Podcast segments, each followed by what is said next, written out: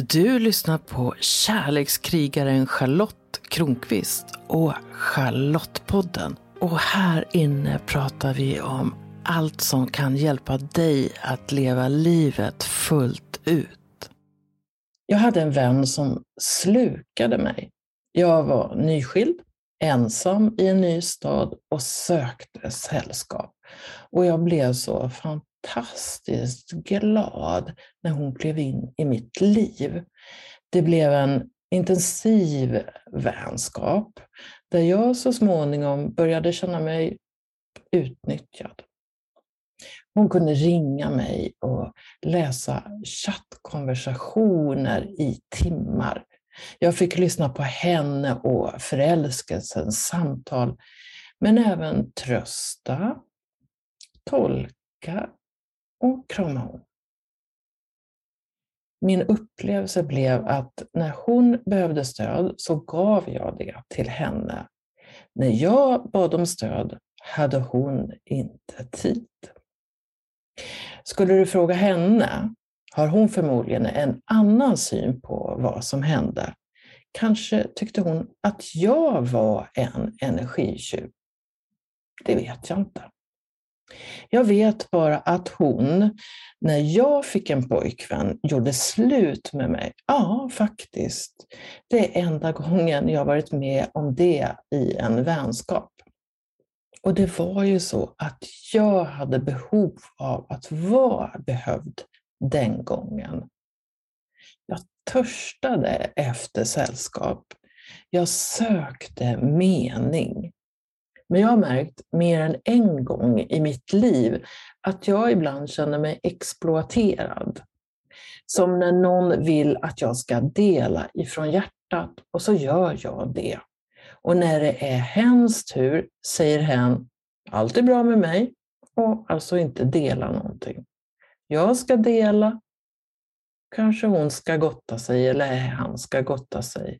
Och när det är hans eller hens eller hennes tur, då är det tyst från den personen. Jag märker att eh, när jag tänker på det här så kommer en viss skam upp. Vem är jag att karaktärisera någon som energitjuv? Vad var det som gjorde mig sårbar för det? Vad var min vinst med att hålla kvar vänskapen på övertid? Och hur kunde jag känna mig så ensam? Ibland så tänker jag att mina erfarenheter av energitjuvar bidrog till att jag ville starta min inre resa, den som har betytt så mycket för mig.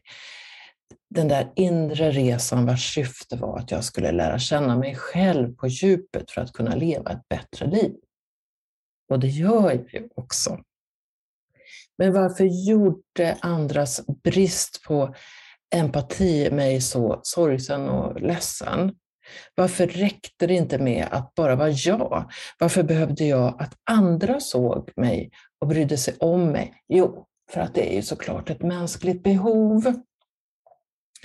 Jag märker att när jag pratar om det här så är det ändå som att jag har lite dåligt samvete. Och då ska jag kanske tänka lite extra på superentreprenören och föreläsaren Magnus Helgesson som helt sonika säger att man inte ska ha med energitjuvar att göra.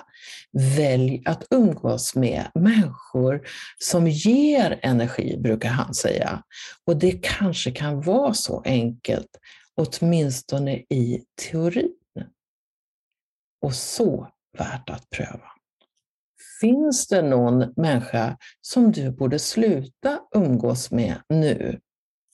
Tänk tanken några gånger. I det här avsnittet av Charlottepodden läser jag ett kapitel ur min bok 100% Charlotte, ta ditt inre ledarskap. Det är kapitel 19 som handlar om energitjuvar. Och där berättar jag en episod där jag kände mig utnyttjad av mina gamla kompisar. Något som ledde till att jag gett få eller inga förtroende till någon av dem efter det. Det har gått mer än 20 år sedan. Det är inte det att jag är långsint. fast kanske lite. Det är mer att de mer eller mindre försvann ur min värld efter det. Nu ser jag några av dem då och då i sociala medier, men alla är jag inte ens vän med. Och förmodligen har ingen av dem ett minne av den här situationen. Jag har blivit bättre på att hantera energitjuvar idag. Jag har också blivit bättre på att lägga märke till varningstecken och jag har fått lättare att sätta gränser. Och märkligt nog, eller inte, så stiger energitjuvar sällan in i mitt liv numera. Och om de gör det så brukar de ganska ofta kliva ut eller dra sig tillbaka självmant när jag inte längre göder deras energi.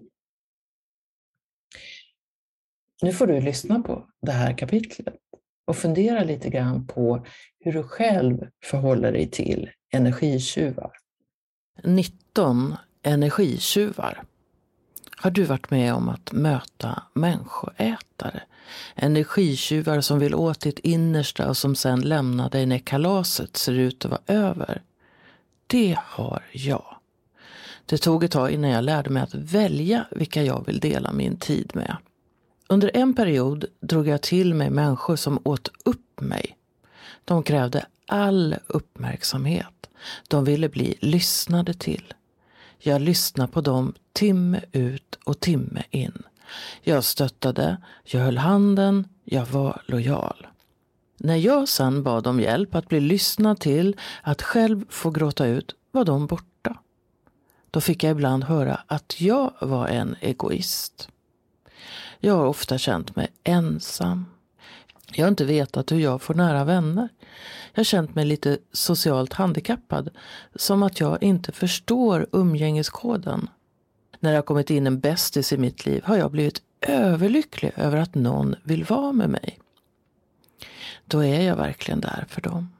Både för att jag vill och för att jag är smickrad över att bli tagen i anspråk. Jag märker sällan tecknen som visar att jag blir utnyttjad. Att relationen mest handlar om dem. Att de ska få skina, gråta eller bli ompysslade. Det har gjort så ont när de bara glider ut ur livet när jag uttrycker någon form av eget behov. Jag har visat min sårbarhet och poff, så försvinner de. Det smärtar. Episod Och vad gör du? Inget särskilt. Jag sitter på en krog tillsammans med ett gäng kvinnor i min ålder. Jag är relativt nyskild och de lever kvar i sina relationer. De är nyfikna på mig. De frågar hur jag lever i allmänhet och om mitt kärleksliv i synnerhet. De ställer intima frågor om mina äventyr på nätet, mina dejter och om min ensamhet. Om hur det känns att ha barnen varannan vecka, hur det känns Först känns det smickrande att vara i centrum. Men så börjar jag få en besk smak i munnen. Den blir allt bittrare. Jag frågar dem hur det är i deras liv och i deras äktenskap. Jag har inside om en av dem, vet att hennes man varit otrogen och att hon ställt honom mot väggen kring det. Alla svarar typ, inget särskilt. Jag känner mig utnyttjad, kränkt. Där sitter de skenheliga och vill på något sätt ha cred för att de stannar i sina relationer. Jag blir en ställföreträdande singel. Så de efteråt kan säga det är nog tryggast att stanna i alla fall. Men de behåller sina masker på. Det gör ont. Då slutar jag berätta. Jag ogillar känslan av att bli utnyttjad, att inte fatta i tid. Jag avskyr att jag varit så naiv och blåögd. Ibland tänker jag att de brukade skratta bakom min rygg. Då känner jag mig ännu dummare och kinderna rodnar av skam. Idag, när jag ger, vill jag ha något tillbaks. Jag vill ha dialog och ömsesidighet. När jag visar min sårbarhet känns det schysst att andra också ger lite av sin. Jag gör noggrannare val. Jag säger nej till energitjuvar. Jag minimerar deras intrång. Jag kan göra det eftersom jag känner mitt eget värde. Jag behöver inte speglas av en vän för att ha värde, även om det är mysigt med vänskap. Jag väljer vänskaper där vi tillför varandra energi istället för att äta upp varandras. Jag sätter gränser och tillåter mindre utnyttjande och jag väljer själv graden av öppenhet och intimitet. Din läxa. Vad kan du göra för att undvika att känna dig utnyttjad? Ja, vad gör du för att undvika att känna dig utnyttjad? Den frågan är verkligen värd att reflektera över. Och hur mycket av detta sker inuti dig? Jag menar, kanske är det så att ju mer trygg du är i dig själv, desto mindre blir problemet med hur andra möter och behandlar dig. Och det blir kanske enklare också för dig att sätta sunda gränser. Just nu lyssnar du på det första avsnittet av Charlottepodden på väldigt lång tid. För 2021 så fokuserade jag på en annan podd. Jag poddade tillsammans med Bea Karinsdotter och vi har gjort 52 avsnitt av Bea och Charlottepodden och det sista kommer att sändas runt den 8 mars 2022. Och då finns det plats för mig att podda själv igen. Nu är planen att jag ska köra ett nytt avsnitt varannan vecka.